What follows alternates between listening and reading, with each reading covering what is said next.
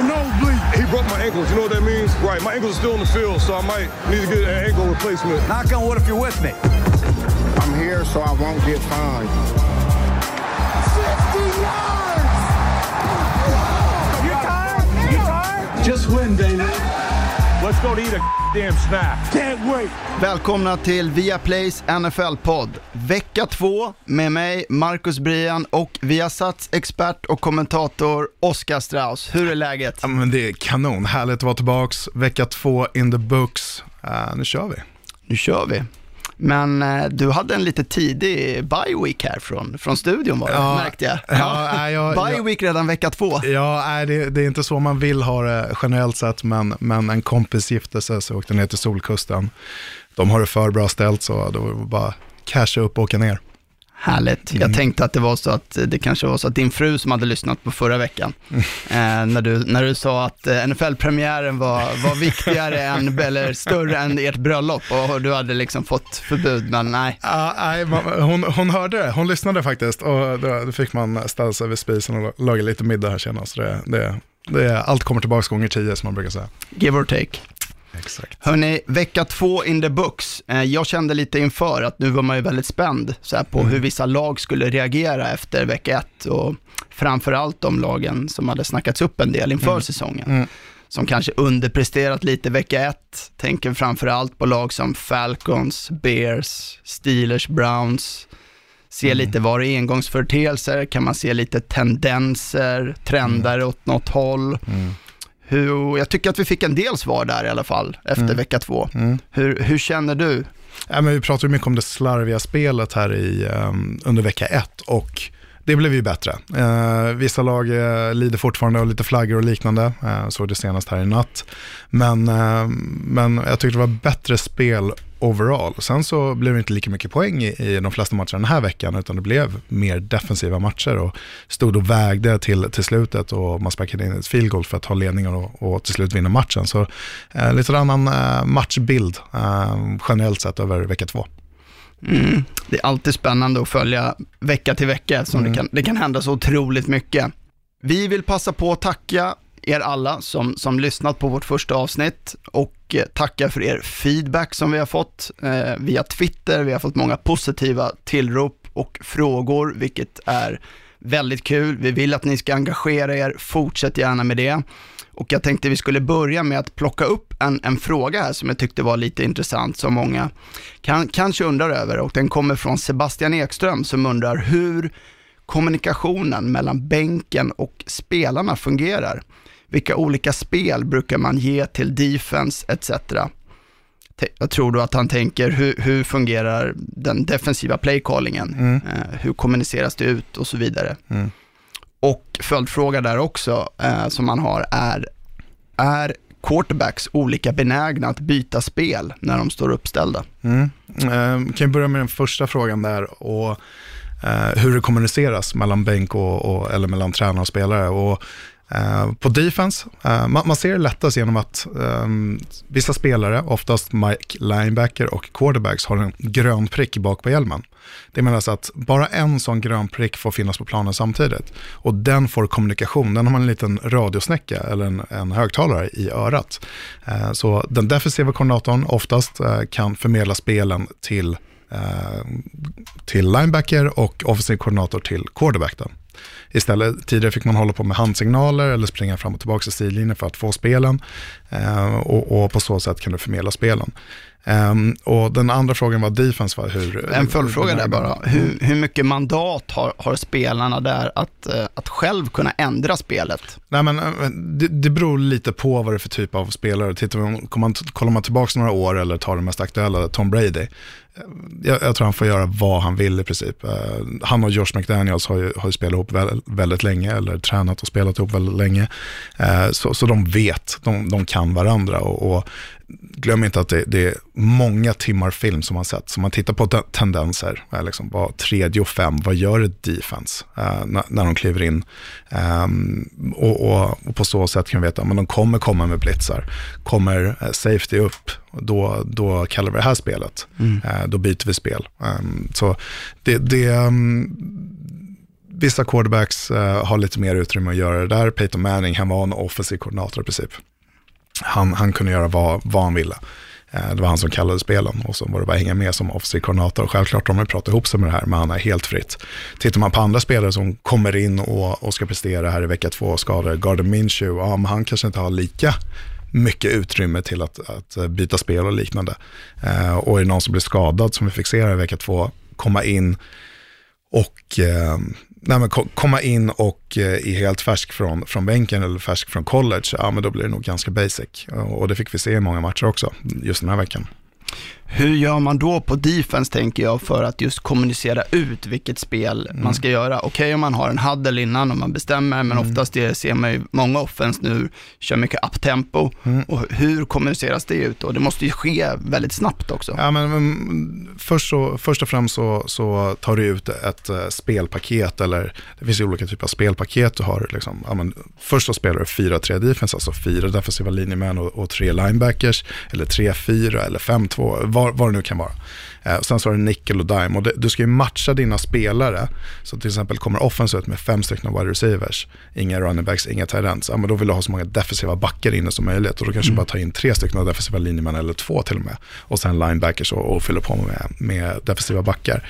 Eh, därifrån så kallar du spel och du har ju som sagt kollat mycket på film så du vet vilka spel som kommer komma. Så just i de här formationerna, ja, men då kallar vi eh, cover 2-försvar eller vi, vi kallar man, man 1-försvar eller vad, vad, det nu kan vara, eller vi ska blitza eh, och sätta mycket press på quarterbacken i just de här situationerna. De kallas ju från defensivkoordinatorn. Eh, och sen så har ju linebackers ofta fyra, fem stycken spel som de kan kalla eh, istället och byta till ifall de gör något annorlunda och går up tempo eller liknande. Så att de kan, de har sina fyra, fem basic försvar. Och sen eh, ändras ju det vecka till vecka beroende på vilket offens man möter. Mm. Och här tänker jag att här kommer ju också erfarenhet in väldigt mycket. Mm. Och det här mm, som man brukar prata om, det, det stora schackspelet har man ju också sett ibland när någon erfaren linebacker, men säg Luke Kuechly i Carolina mm. Panthers, nästan står och försöker tjuvlyssna vid, vid line of scrimmage, vad, vad motståndarens mm. quarterback mm. gör och, och, säger, för att sen också kunna ändra och korrigera. Exakt, exakt. Så, så man det, det, det, finns ju vissa basic-ord, till exempel hur en offensiv linje ska blockera eller någonting. Då kanske man kallar någonting på R om de ska slida till höger. Då kanske man kallar det ringo ringo. Uh, så basic-ord eller någonting som bara på R och så, så någonting om de ska slida till vänster. Uh, så det, uh, säger man någonting lucky lucky eller någonting på, på left. Då. Uh, så, så det finns ju vissa och som, som vissa ord som är ganska basic och man kan lista ut vad, vad det menar. Så spelar man 60-70 snaps eh, på vardera sida av bollen. Så det längre man kommer in i matchen, desto mer kommer man ju snappa upp också självklart. Och speciellt de här smarta eh, linebackersna, jag tänker Van Der Esch och Luke Kuechly, eh, duktiga linebackers som, som presterar redan från början, från de blev draftade. Jag tänker ju framförallt på Peyton Mannings klassiska Omaha. Omaha. Omaha, Omaha, hut, hut. Han gjorde ett avsnitt här med ISBN och, och då pratade han ju om vad Omaha var egentligen. Um, så så det, det kan jag verkligen rekommendera att gå in och, och titta på. Då dyker vi ner i veckans matcher. Vi börjar med Thursday Night Football och det har ju inledningsvis inte bjudit på några, några sprakande matcher. Vi har nu haft två Thursday Night-matcher. Mm. Vi har sett två touchdowns. ungefär vad Patrick Mahomes fixar på en halv kvart ungefär. Mm. Eh, den här veckan så möttes ju Tampa Bay Buccaneers och Carolina Panthers och jag tycker det som, det som jag tar med mig här och funderar på, är det, är det ny, ny Cam Newton som vi ser? På två matcher nu så har han ju noll rushing yards. Mm. Och det är lite det som har varit hans edge som QB, hans mm. storlek, hans förmåga att, eh, att springa med bollen, att försvaret mm. måste anpassa sig. Och nu står han i fickan och, och, och ska kasta bollen. Mm. Och det är ju inte hans styrka. Det blir ju mer, han sprider ju bollarna mer som en hagelbrakare än mm. med ett sniper rifle där. Ja, och, och, och, förra året hade han ju sin bästa säsong när det kommer till, liksom, när det kommer till uh, antal completions, alltså procentmässigt var han över 60 procent. Så han gjorde det relativt bra förra året, de 14 matcherna han spelade. Men, men i år har det ju varit, jag skulle inte vilja säga katastrof, men jag säger katastrof. Det, det, det har inte varit, han, han får upp en lite yards, 333 yards i den här matchen mot Tampa Bay, men, men, men uh, han presterar inte på den nivån och han håller inte defenset gissande som han gjorde tidigare. Ska han springa med bollen? Mm. Vi måste avsätta en linebacker bara att hålla Cam Newton så att han inte kan springa. Så, så, och, och, och behöver man inte göra det, men då kan han gå i coverage eller täcka upp McCaffrey eller liknande. Och, och, man såg ju klart i den här matchen vad Tampa Bay Buccaneers ville göra och det var ju att plocka bort Christian McCaffrey. Han hade 200 yards i vecka 1 mot Rams. Den här veckan kom han upp i 60 yards.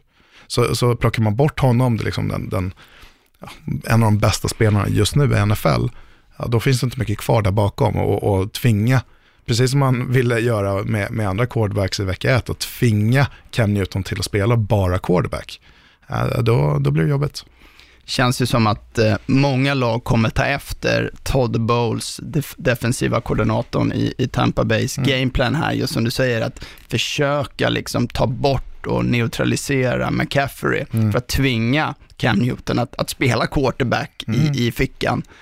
Och eh, kan bli tufft för Panthers, en, en lång säsong. Nu är man redan 0-2. Mm. Och eh, ja, jag vet inte riktigt vad var de ska ta vägen här. Om man ser en, en väg ut, kan Cam hitta tillbaka till sitt gamla, gamla jag eller har man bestämt sig att nej, nu ska vi gå på den här vägen? Att förvandla Cam Newton. Man är ju tillbaka från en skada eh, sent i förra säsongen, så, så det kanske tar lite tid att komma upp med game tempo och så vidare. Jag har inte spelat speciellt mycket i preseason. Um, så, så att komma tillbaka och um, nej, bli den här Cam Newton vi känner igen. Det kanske tar några veckor eller två. Det är, NFC South är öppen. Det är uh, tre lag som är 1 och 1. Saints, uh, Falcons och Tampa och sen så är det Panthers på 0 och 2. Så det, den är fortfarande öppen. Det är ingen riktig, um, så här, ja men det här vägen ska det gå. Speciellt vad som hänt med Saints här efter vecka två. Uh, så, så det kan hända mycket i NFC South.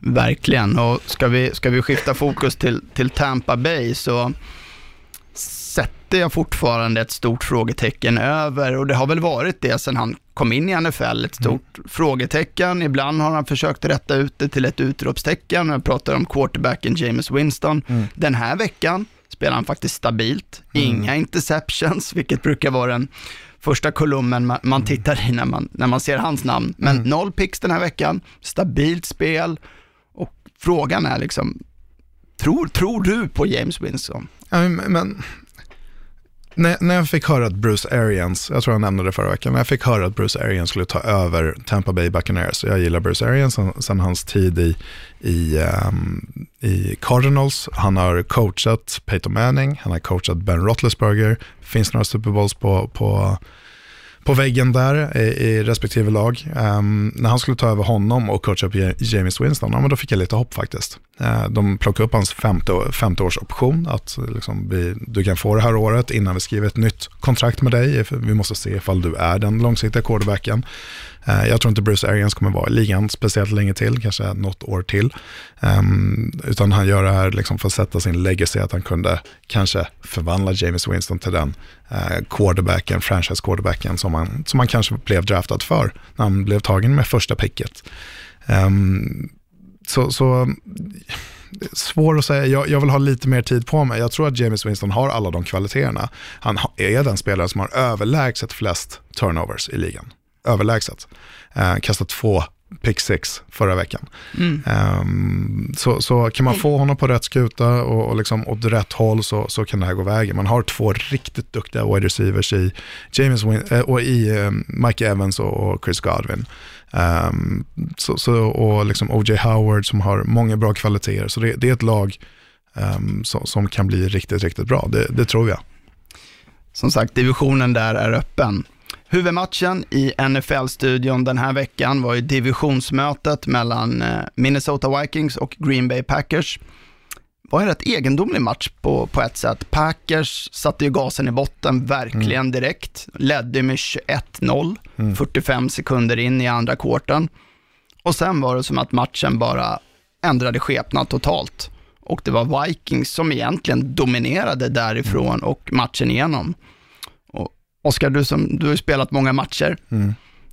hur kan det bli så att matchen bara ändrar skepnad så, så drastiskt? Gör man korrigeringar vid sidlinjen? Är det mentalt? Eller blir man mer försiktig? Eller vad kan det bero på? Nej, men, men man pratar ibland så här, men vi är ett slow starting lag eller, liksom, eller liknande.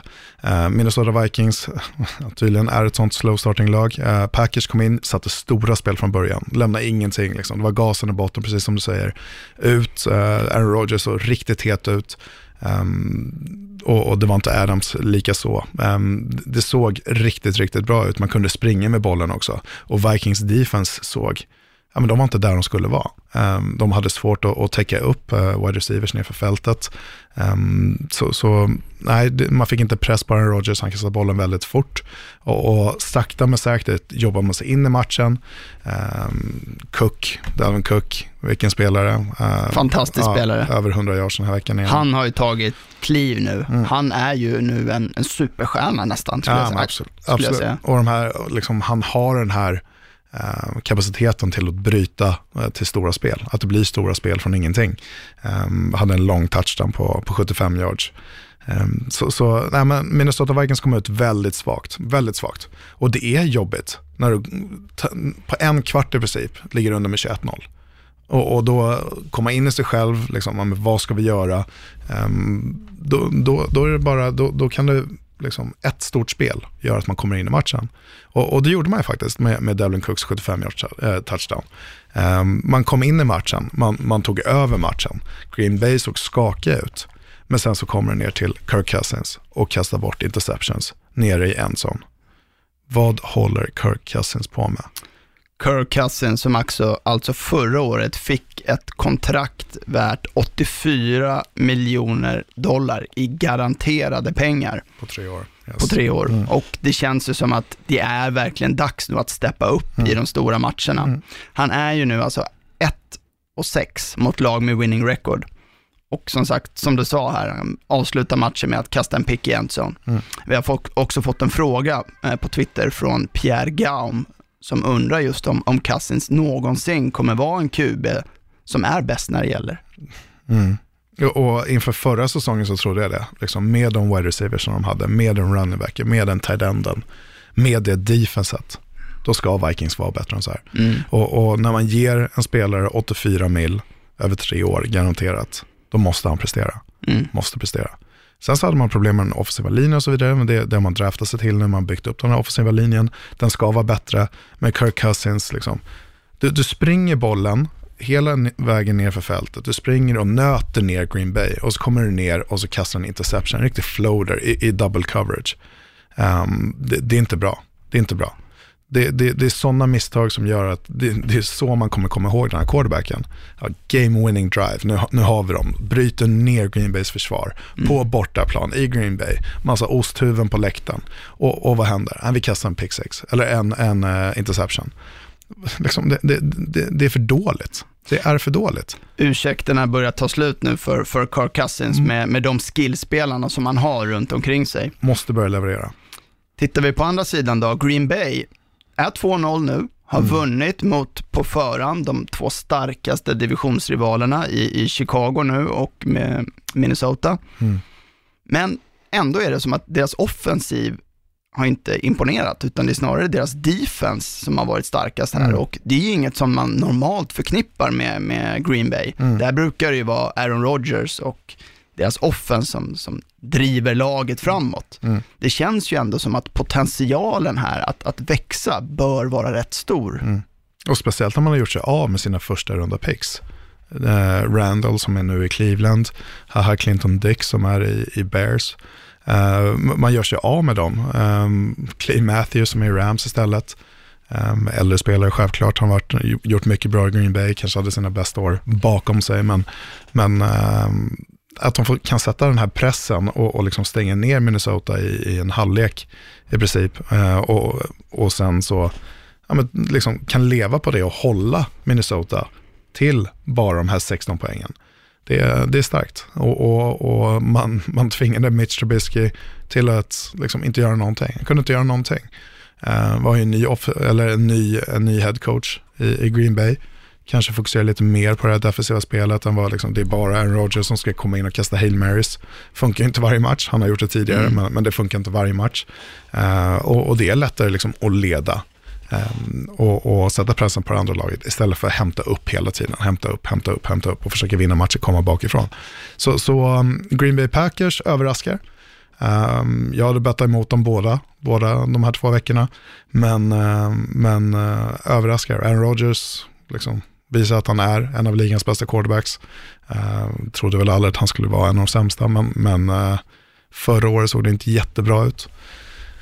Men, men Green Bay Packers, uh, det här kan, kan gå vägen. Um, de ser starka ut. Seattle Seahawks mot Pittsburgh Steelers. Seattle vann med 28-6. Steelers har nu gått från the three Bs, killer Bs, till noll Bs. Le'Veon Bell är borta i New York Jets. Antonio Brown ska vi egentligen inte prata om, så det gör vi inte. Nej. Men han är borta. Och nu Big Ben out resten av året med en skadad armbåge. Mångas favoriter i AFC North Steelers får ju nu lita på Mason Rudolph som fick kliva in nu i matchen mot Seahawks och lyckades ändå flytta bollen ganska så bra. Vart tar stilen vä- Steelers vägen nu efter 0-2 och utan Big Ben? Mm. Av, av, nu har jag fått se många quarterbacks gå ner här de första två veckorna. Av de quarterbacksen som backas upp av en annan quarterback så hoppas jag, eller, eller tror mest på Mason Rudolph. Eh, det han gjorde på college i Oklahoma State. Eh, ledde ligan, liksom satte rekord på Oklahoma State, ingen, ingen, skitskola, tog över rekordet för flest antal touchdowns från Barry Sanders. Eh, Det, det är ingen skit. Eh, Det, det är riktigt bra. Mason Rudolph, när han kom in så såg det faktiskt bra ut. Stundtals. Han kastade en interception som var kanske inte den bästa han har kastat. Men, mm, men jag tyckte det såg bra ut. Och, och Smith Schuster, Juju, han liksom såg bra ut fortfarande. Lång, lång boll, han tog, ner, tog emot ner för fältet. Eh, Stor passning. Jag, jag, Men känslan där på Smith Schuster är att han måste ändå steppa upp lite mer, tycker jag. För han, nu är ska han vara wide receiver 1. Ja, ja men så, så är det ju. Han, han, innan så, så drog ju den här spelaren som numera är i New England Patriots, kommer inte nämna honom vid namn, han, eh, han drog på sig double covers och liknande. Ehm, och Smith Schuster fick spela en mot en. Och då, självklart, han är den kalibern, utav den kalibern att han, han kan springa ifrån en mot en coverage. Men nu ska han få eh, liksom, kanske en safety och en, och en ehm, corner som, som håller honom. Och då, ja, då förväntar, förväntar man sig lite mer än, än 84 yards mot eh, Seattle Seahawks. Så, och James Conner som hade en kanonsäsong förra året när han tog över efter Le'Veon Bell. Inte sett speciellt mycket där heller ifrån honom. Mm, nej, det är mm, mycket mer, jag hade förväntat mig mer av Pittsburgh Steelers. Jag hade dem som, som vinnare i den här matchen mot Seattle Seahawks på hemmaplan, komma tillbaks efter den tunga förlusten i New England. Um, men, men lyckas inte komma upp till par. Och jag skulle säga att Mason Rudolph, han, han såg stundtals bättre ut än vad Ben Roethlisberger gjorde på planen i den här matchen. Sonny Näslund frågar också här, eh, på tal om Big Ben, och han börjar bli gammal. Var, var det här det sista vi såg av Big Ben Han i NFL? Han släppte ett statement, han signade in innan det här året ett treårsförlängning. Uh, han släppte ett statement igår att han liksom kommer jobba och bli starkare än någonsin. Han kommer liksom komma tillbaka, han kommer hedra sitt kontrakt eller sina pengar som han har fått. Eh, och han ska komma tillbaka starkare än någonsin. Självklart så, vi, vi har ju hört Big, Big Ben prata här i två år nu om att liksom, det här är kanske det sista året. Det Ja, och han har ont i året. ryggen varje match och skadad han, där. Han, ju, han kanske väger lite mer än vad han gjort tidigare också. Ehm, han kommit in 24, tror jag det var, blev draftad av Steelers. Han har vunnit två stycken Super Bowls, så liksom här är ju en eh, future Hall of Famer. Det är det, men ehm, ja, jag skulle vilja se honom i ligan, men, men plockar Mason Rudolph ut upp den här liksom, stafettpinnen där Big Ben nu lämnar den och han gör det bra det här året, ehm, så, så, så tror jag det kan bli svårt för honom att komma tillbaka. Jag tänker liksom på Tony Romo, eh, det han hade gjort i Cowboys och sen så kommer Dak Mm. Prescott in och, och överlevererar. Mm. Det fanns ingen plats för Tony Romo. Um, så, så får vi se ett riktigt starkt år. Det beror på, jag tror det beror på mest hur bra det går för Steelers och Mason Rudolph i år. Men vad, vad kan vi förvänta oss där? Vad, nu är de 0-2, det är en tuff division. Mm. Vad kan vi förvänta oss av Mason Rudolph? Alltså slutspel här och nu, det vore ju en, en enorm bragd. Och då tänker jag inte bara på Mason Rudolph, utan även på Steelers som lag. Jag tycker ju att deras defense har ju heller inte kommit upp i, i den nivån man brukar se av, av ett Pittsburgh Steelers defense. Jag, Jag, jag, tycker de, jag tycker de såg bra ut mot, mot Seattle. Uh, självklart så såg de inte lika bra ut mot eh, New England Patriots, men, men uh, där var ju Patriots galet bra i första matchen. men men jag tycker att de såg bra ut mot Seattle. Man satte mycket, satte mycket press på, på Russell Wilson. Hade ändå 4-6. Eh, jag tycker det är helt okej okay mot Russell Wilson. Men sen så när det kommer ner till, till sista, då gör Russell Wilson det han brukar göra, springer själv med bollen. Ska passa bollen, plocka ner den, springer själv, hitta luckor, ta first downs. Eh, Russell Wilson är, det finns ingen bättre på spelaren att förlänga spel på det sättet han gör och, och, och har kapaciteten till att vinna matcher på det sättet. Um, de verkligen en stor vinnare. Ja, ja, men verkligen. verkligen. Um, Steelers defense, ja, man satte press på en stor delen, man, man, skapade turnovers, man gjorde faktiskt allt man kunde i den här matchen. Um, men, men, det, men det räckte inte. Det räckte inte. Man höll Seattle till, till en touchdown i första halvlek.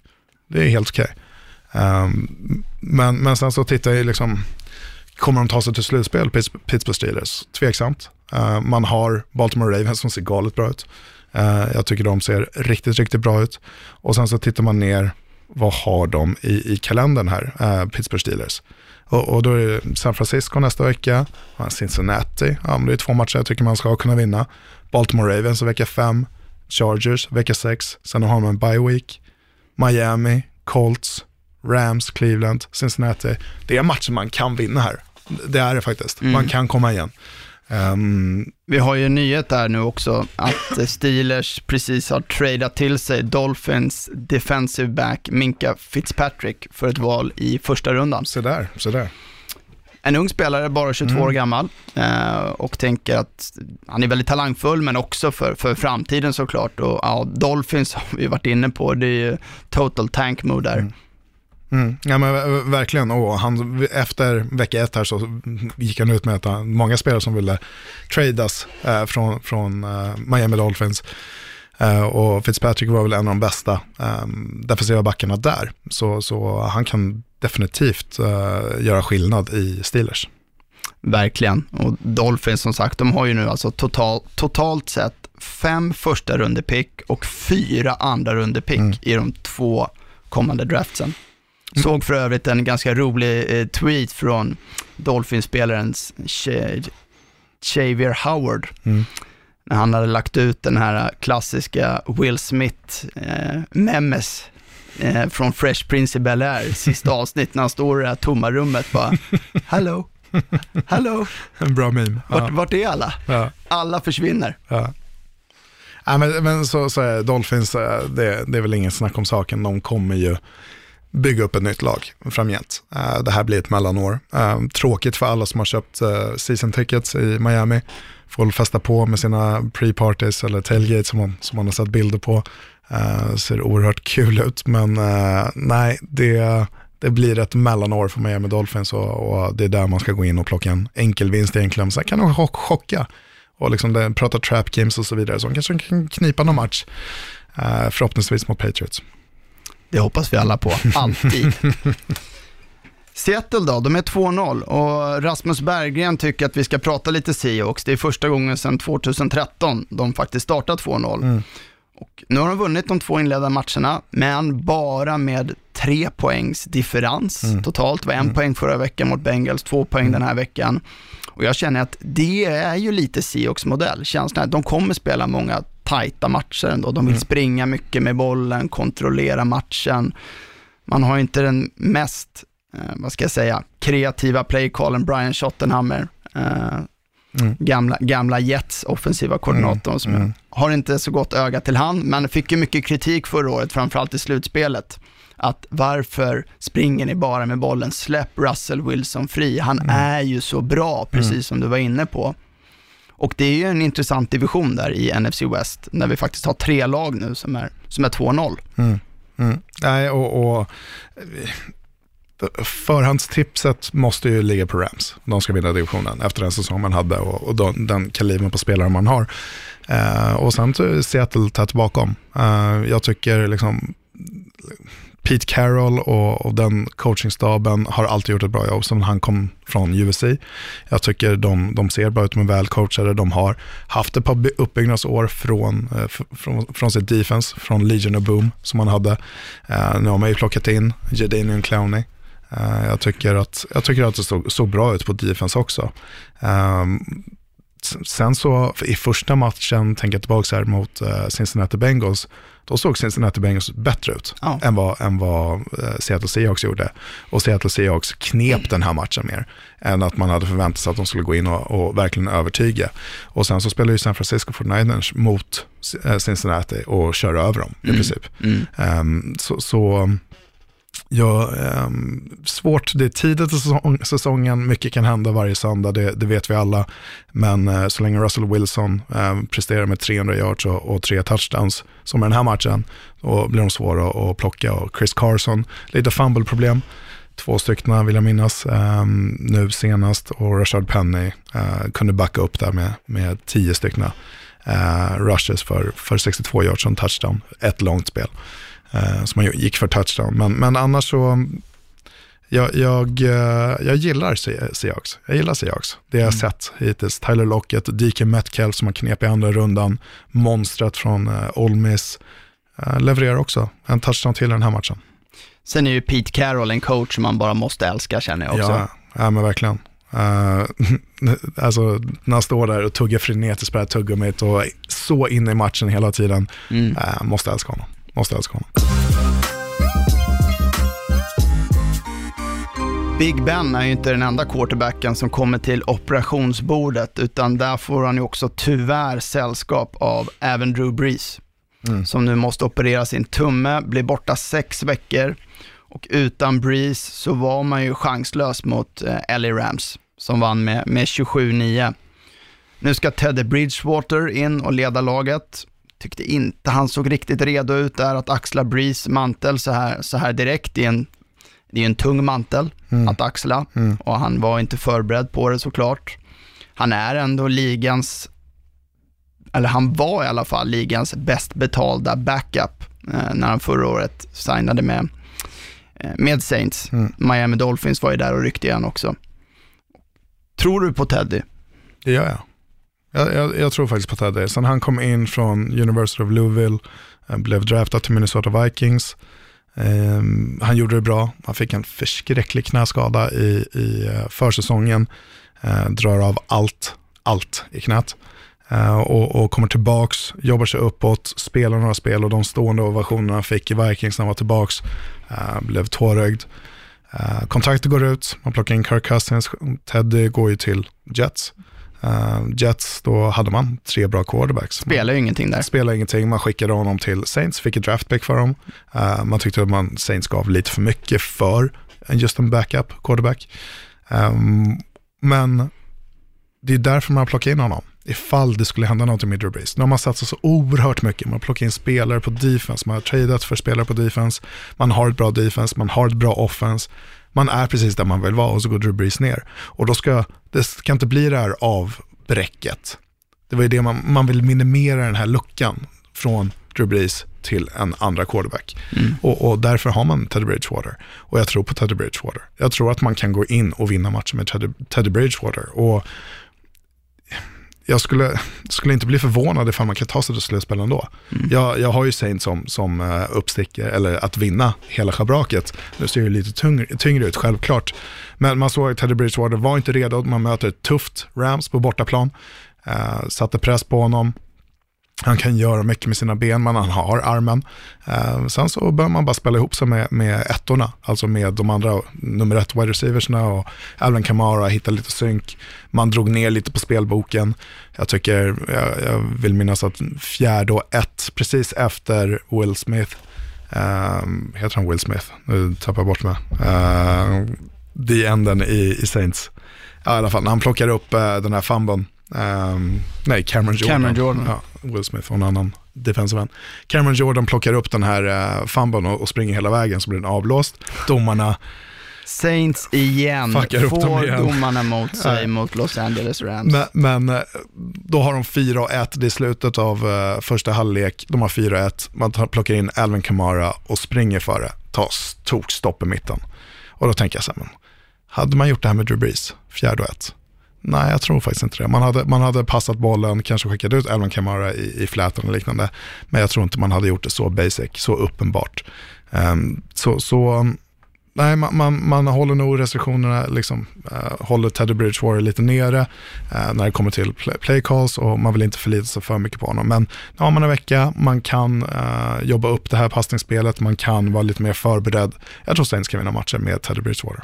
Det pratas ju om sex veckor då för Drew Brees och jag menar, kan, kan Bridgewater där leverera, men säg 3-3, Mm. så, så ska, är ju det bra jobbat ändå. Mm. Ja, Och- ja. Ja, jag tittar på schemat här Marcus och, och Seattle Seahawks, Cowboys, två tuffa matcher. Väldigt tuffa. Um, sen har man Tampa, Jacksonville, Chicago Bears, Arizona. Sen har man en bye week vecka 9 och man tror att uh, Drew Brees kan, kan komma tillbaka till vecka 10 mot, mot Atlanta Falcons. Så, så ma, man kan knipa några matcher här faktiskt innan sin bye week. Men, men de två första här kan bli tufft, tuffa när man åker till Seattle och, med, och sen spelar mot Dallas hemma. Spännande ändå med, med divisionen som ändå öppnas upp lite mer här med, med Brees skada. Mm, Såklart väldigt olyckligt, men spännande för, för divisionen som annars var ju känslan att här kan Saints springa ifrån lite. Mm. Men nu har vi som sagt tre lag på, på 1 och 1 och Panthers då som är, som är 0-2.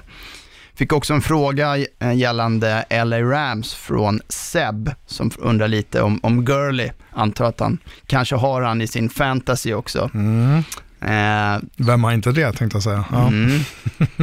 Men eh, hur, hur hans status är och Mm. eh, det är såklart väldigt svårt för oss att, att spekulera och, och svara på det. Men, men jag tycker att de, de matchar in han väldigt fint här, Todd Mm. Gurley. Mm. Nu har han 16 carries för 63 yards. Man vill ju inte bränna ut han lite som, som det pratas om att man gjorde under förra säsongen, där han fick en enormt stor liksom, workload varje match. Tycker att de har gjort det ganska optimalt här.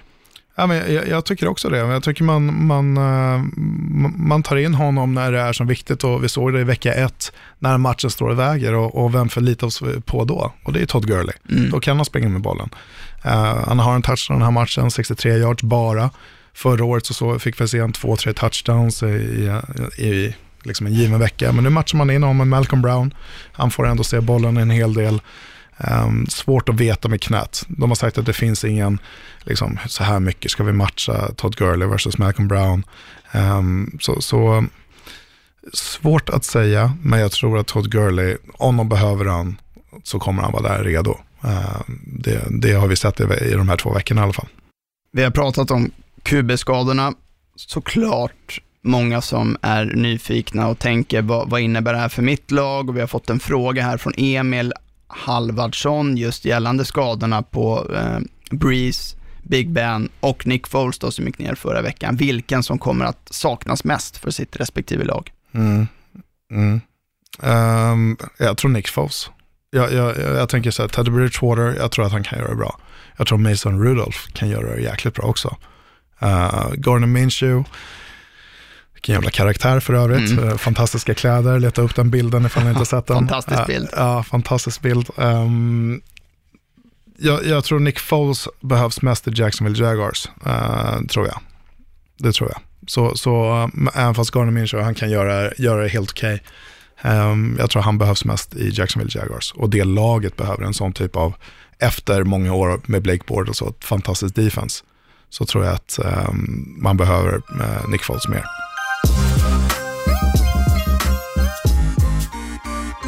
Sunday Night Football. Philadelphia Eagles mot Atlanta Falcons.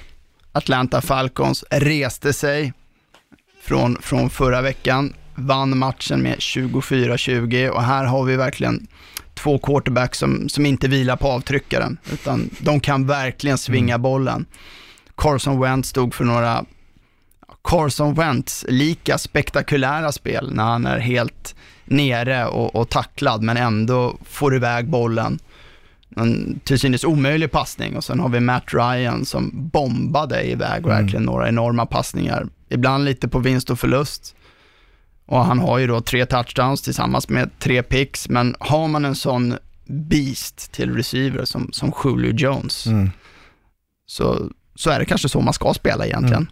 Ja, tryggheten var ju hela matchen en Kevin Ridley egentligen. Eh, första rundepicket från förra året, presterade bra förra året, eh, stundtals. Eh, men, när de väl behövde Julio så, så gick man till honom, det var fjärde försök och man kastar en liten screen till honom. Eh, magiskt, magiskt. 54 yards, ner hela vägen. Mohamed Sanu ehm, firar redan från eh, Jake Matthews block där. Har, ni sett, har ni inte sett det spelet? Magiskt. Slipscreen, Jake Matthews har fri lead upp på, på en eh, cornerback, mosar honom. Mosar honom. Det är absolut bästa. Jag hade sådana spel när jag spelade på college. Och, Det är alltså left tacken i Falcons. Stämmer, stämmer. Så han springer ut, eh, behöver bara plocka upp eh, en, en liten corner, en liten stackars corner, mosar honom och Julio Jones har fri gata för 54 yards och en eh, game winning touchdown. Magiskt spel. Eh, det är det bästa som finns på en, eh, som en offensiv linjeman går ut och göra illa små folk. Underbart.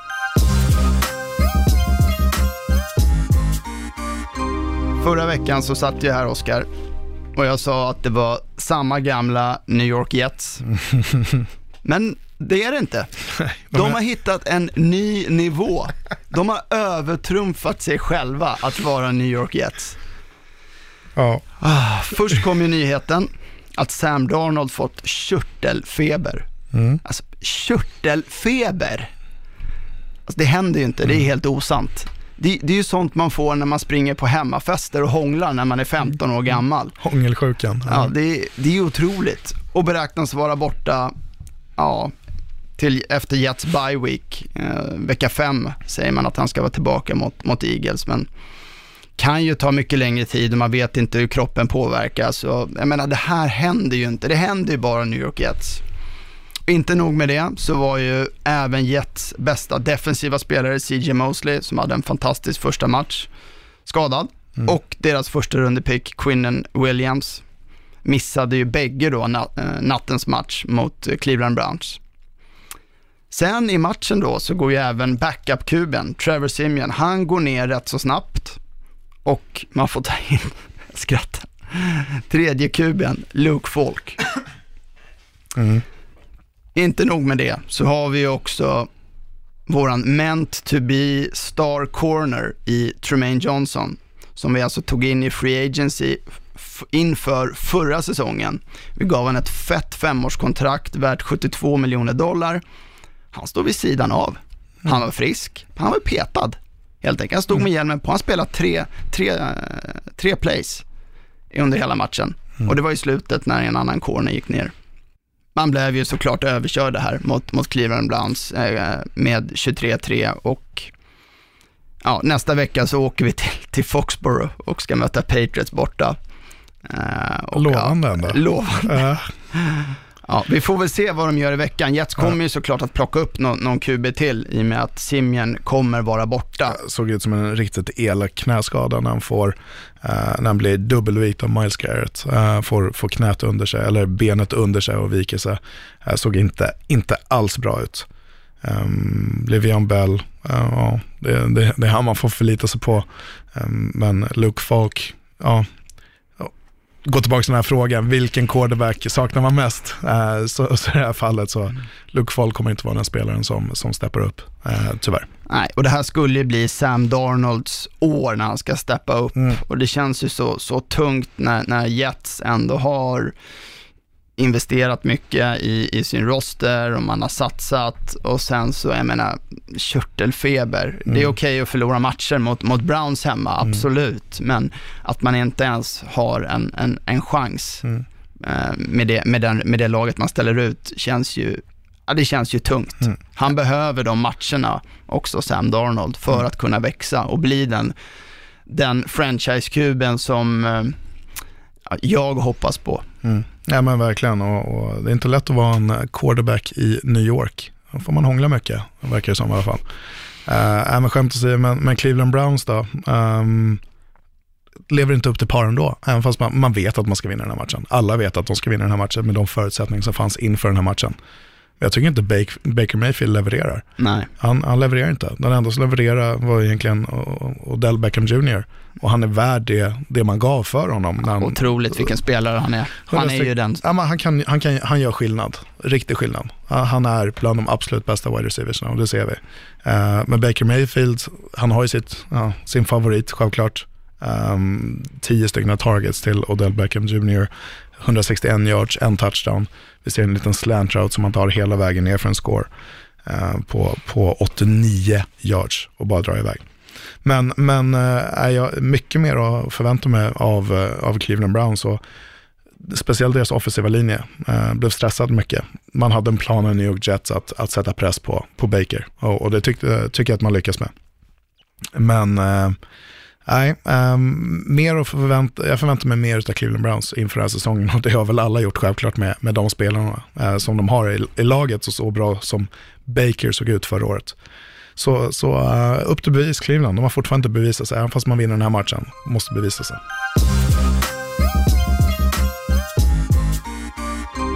Några snabba korta om övriga matcher. Lamar Jackson visade att han inte tappat springförmågan och sprang för 120 yards, kastade för 272 när Baltimore vann med 23-17 mot Arizona Cardinals som trots förlusten alltjämt ser klasser bättre ut än förra årets bedrövelse.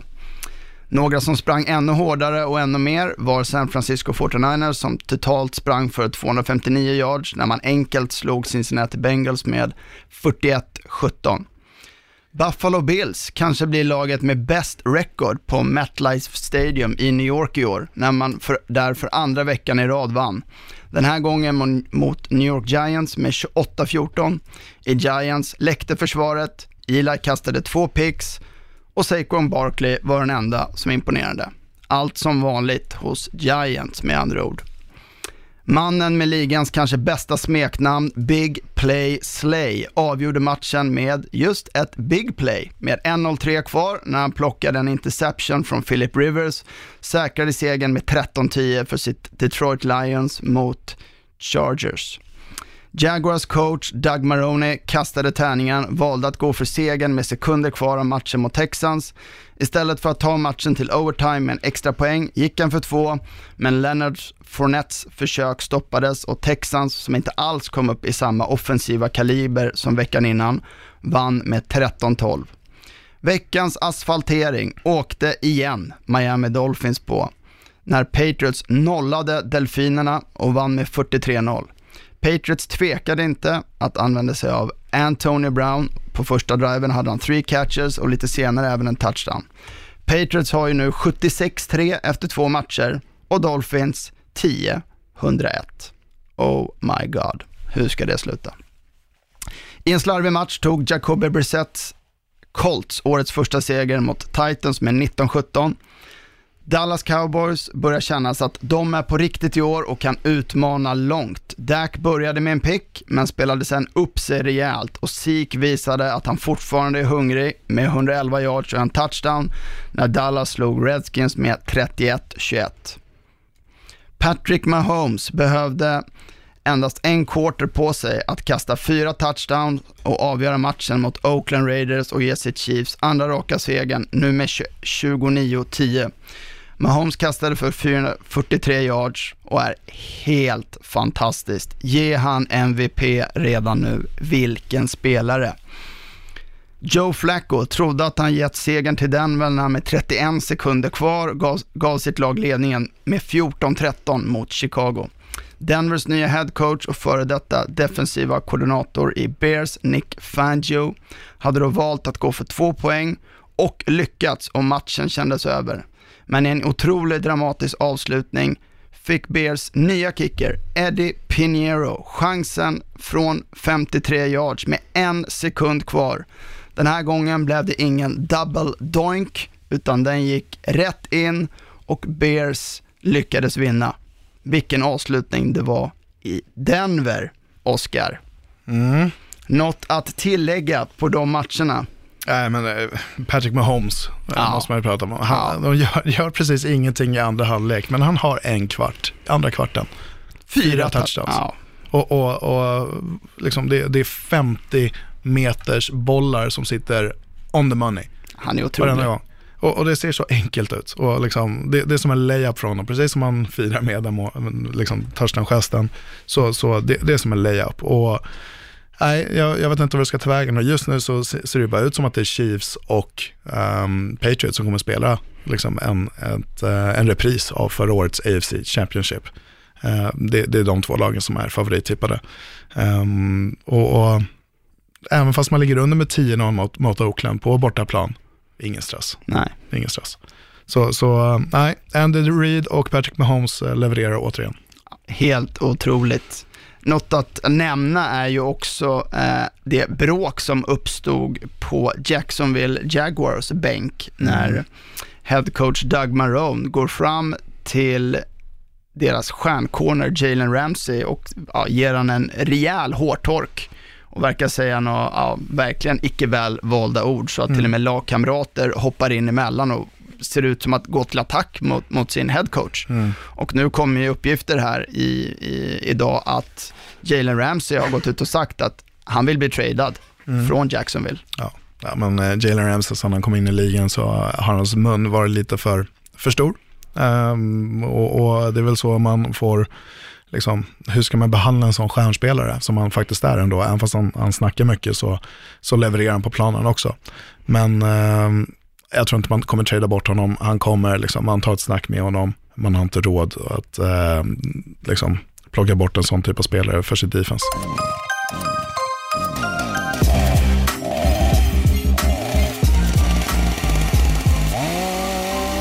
Så Oskar, då drar vi igång motorsågen igen. Äntligen. Äntligen. Så ja. Strauss sågar.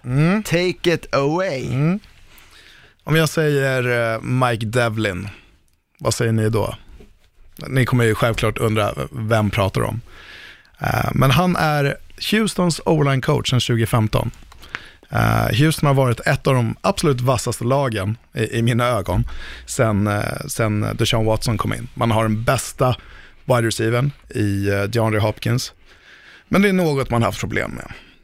Eh, 2018 togs man, tog man sig till slutspel. Man mötte Indianapolis Colts och Colts defense eh, stängde ner dem. Tre sacks eh, hade man ehm, och man ja, egentligen liksom stängde ner Deshaun Watson. Man satte press på honom och han visste inte vad han skulle liksom, ta vägen. 2018 hade man flest sacks mot sig i ligan i Houston. 62 stycken. 62 stycken. Fyra stycken i matchbesnitt. Så, så när man kommer in i 2019 så tänker man, ja, men det här måste vi fixa till. Vi har allting, vi har ett bra defense, vi har ett bra offense, vi har de skillspelarna vi vill ha. Men vi måste ha en o-line. Sagt och gjort, man, man eh, liksom i draften, ja, vad gör man? Första rundan tar man ett, eh, en, en o-line som är pick. I andra rundan har man två picks, en av dem är en o-line också. Um, som inte det räcker så tradar man till sig Jeremy Tunsil innan säsongen också, bara veckan innan. Ger i princip, liksom, jag vet att Kenneth Stills är med i det här tradet, man ger två första runda pick för Jeremy Tunsil. Nu måste den här offensiva linjen vara fixad, eller hur? Eller hur? Den måste vara fixad. Men vad gör man?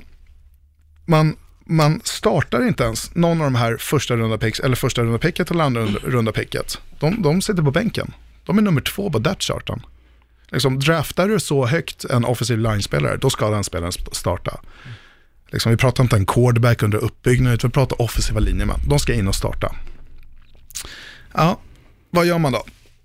Nej, efter två veckor, 10-6. Man är sämst i ligan efter två veckor. 10-6, det är de och Dolphins. Och Dolphins släppte upp 100 pinnar, så ja, det är inte en speciellt bra mätsticka. Men 10-6 liksom, fortsätter man det här tempot, ja, men då kommer man vara, hålla uppe upp mot 86. Jag vet att de inte kommer släppa upp 86, jag vet det. Men 10-6 efter två veckor, när man har liksom, gett så mycket för att fixa till sin offensiva linje. Det värsta är att Deshaun Watson, han kommer bli skadad.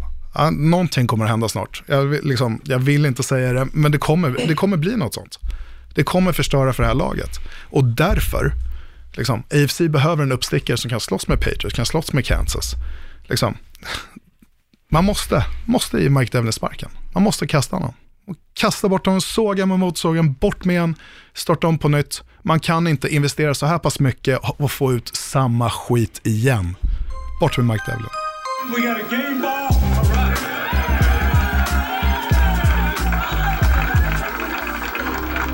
Veckans Gameball är det dags att dela ut och denna veckan vill vi ge den till det något ibland kanske bortglömda New England Patriots Defense. Och det är inte för att man denna vecka lyckades nolla Miami, vilket jag säger kanske är bra, men Miami är ändå Miami, utan de förtjänar verkligen en stor, stor cred. I år har man alltså på, på två matcher släppt till tre poäng. Det var ju vecka ett mot, mot Steelers. Men går man också tillbaka till de sju senaste matcherna, alltså från vecka 16 förra året och sen genom hela slutspelet där man mötte väldigt, väldigt tuffa lag. Genom Super Bowl fram till nu så har man, om man ser till första halvlek, endast släppt till 10 poäng. 10 poäng på sju matcher och det är också genom slutspelet.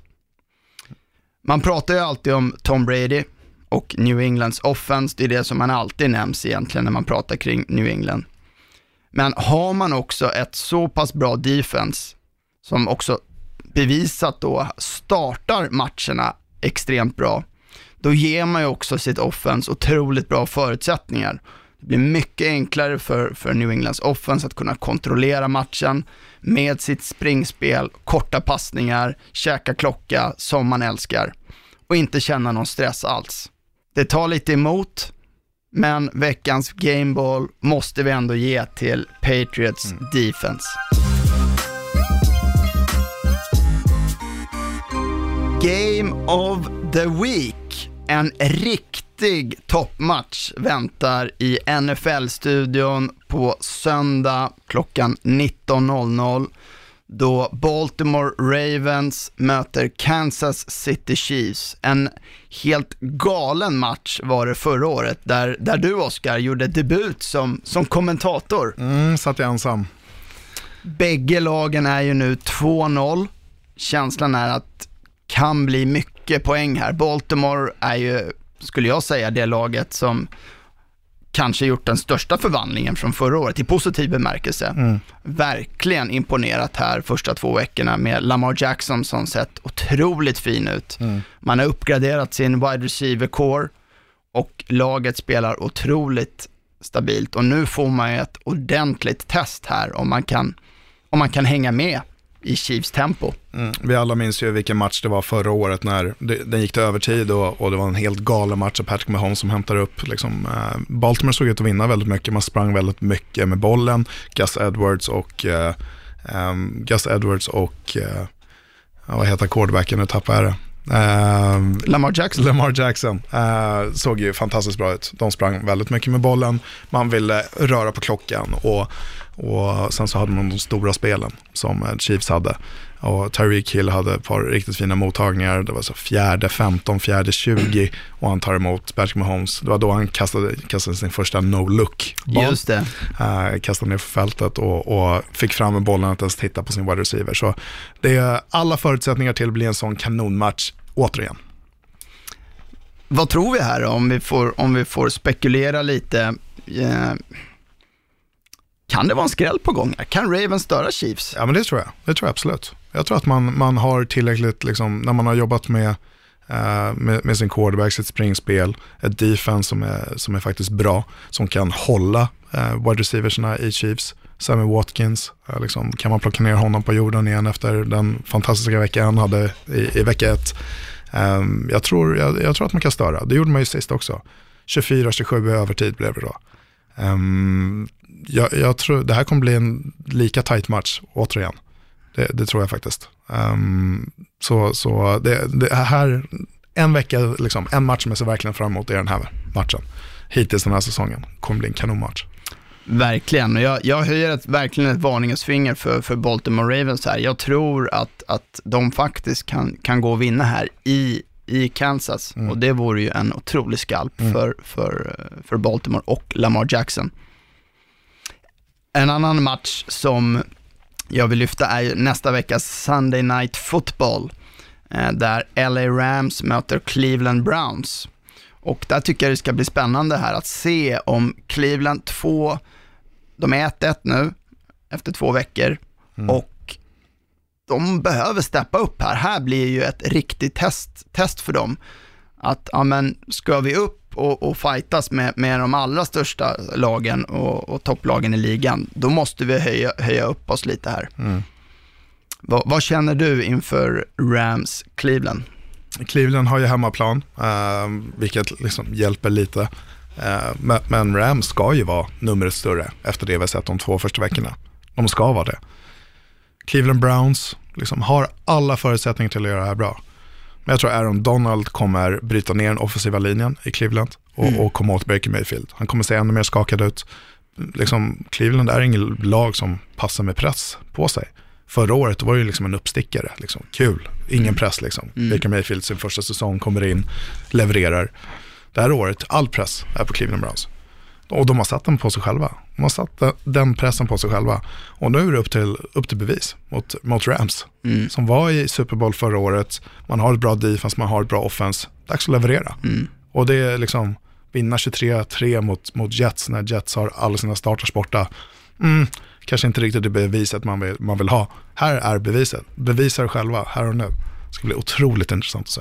Och dags för lite andra spelare att, att steppa upp i, i Cleveland också. Tänker på en sån som Jarvis Landry, som var deras bästa receiver förra året och väldigt, väldigt hypad, men han har nästan försvunnit lite här nu i inledningen på säsongen bakom Odell Beckham Jr. och även deras tredje receiver Rashad Higgins, som bägge nästan sett, sett bättre ut. Ja, och, och ja, men eh, Landry är ju, han är ju en slot receiver-spelare. Han ska ju liksom ha de här korta, korta bollarna över mitten. Kanske inte, han är inte den här storspelaren som uh, Odell Beckham Jr. är. Utan han är den typen av spelare som liksom ska sitta vid mitten. Vill jag ha sex yards, ja men då går jag till Jarvis Landry. Uh, och det var det han gjorde i Miami, det är det han ska göra i Cleveland också. Uh, han blev inplockad som den här nummer ett wide receiver. Ja, men det är han inte riktigt, utan han är den här positionsreceivern. Um, likt Adam Thielen, likt eh, Julian Edelman och så vidare. Jag tror att Rams ändå är numret för stora här mot, mot Cleveland och Mm. att man, man kommer att vinna den rätt, rätt så komfortabelt ändå. Ja, men det, det, jag vill säga nej, eh, för att jag vill se en bra match. Jag, jag vill se Cleveland Browns vinna. Jag vill det. Eh, Ja, men- man vill ju se den här dog Ja, ja. pound koka och att de ska få den här tron och liksom att det ska äntligen hända. Ja, exakt. Nu kommer han tillbaka på hemmaplan efter att ha förlorat mot Tennessee Titans 43-13. Liksom, ja, redeem yourself. Nu, nu, nu, är det, nu är det dags att bevisa sig och här är matchen att bevisa sig. Kan man gå till ett winning record 2-1, sätta Rams på pottan och, och liksom sätta dit dem på hemmaplan. Hela landet tittar, Sunday Night Football. Dags för bevis. So, you know, for now, we're to have to cut you. Cut you. Cut you. Cut you. You. Veckans katt. Det är dags för oss att plocka bort det andra laget som vi plockar bort från vårt slutspelsträd. Där vi, målsättningen är att vi ska ha en, en perfect playoff tree. Så att vi ska pricka alla lag och den här veckan landar valet på vilka då Oskar? New York Giants plockar vi va? New York Giants plockar vi, det stämmer. De kommer inte ha någonting i ett slutspel att göra. Eh, Förra, året, eller förra veckan tog vi Miami, nu tar vi Giants, plockar de lätta. Uh, low hanging fruits först då. Verkligen. Och apropå Giants kan man väl lyfta det, är det inte, är det inte dags för, för Daniel Jones snart? Eh, som ändå bevisade på försäsongen att, oj, han, han imponerade. Blev ju väldigt sågad där när, när, De draftade honom. när de draftade honom med, med sitt sjätte, sjätte pick i draften, men s- slog, knäppte ju alla på näsan med sin fantastiska preseason och nu börjar det ju verkligen ropa efter att ja, in med Daniel Jones. Mm. Ja, och eh, vi såg ju Pat Shermer här prata också, vem starten är, och de är inte lika bundna. Under hela försäsongen sagt att Eli Manning är vår starter. nu är det inte det. Nu är inte det caset längre. Så, så det, är dags. det är dags för Daniel Jones att bevisa sig, att, man, att han var värd det här första runda picket. Uh, tycker synd, uh, någonstans, Eli Manning har varit en bra quarterback, vunnit två Super Bowls, kommer säkerligen vara med i Hall of Fame. Men uh, nej, dags för en ny era i Giants. Verkligen, och jag ska nämna det att Eli är ju nu i sin karriär 116-116 all time. Mm. Så man vill ju inte att han ska tippa på förlorande sidan. Och det som är otroligt med, med den här är att han också hade nio raka säsonger där han var över 0-5 mm. i record. Mm. Men ändå så är han 116-116. Mm. Så det är väl dags nu, jag håller med dig. Eli Manning, du, du tog ändå två Super Bowls och du vann mot Patriots i dem, vilket alltid är extra skönt. Så uh, lämna över nu till Daniel Jones och se, se vart det bär.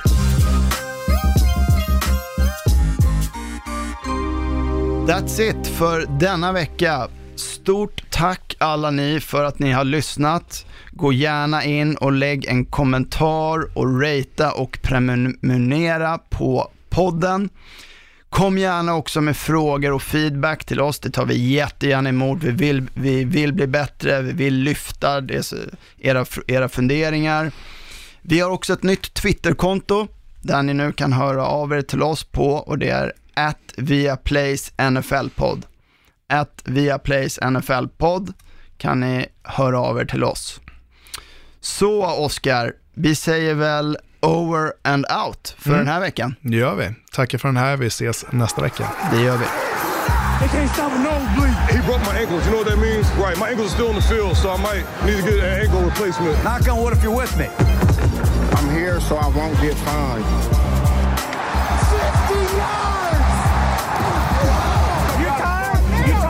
Just win, baby. Let's go to eat a damn snack. Can't wait. Produceras av I Like Radio. I Like Radio.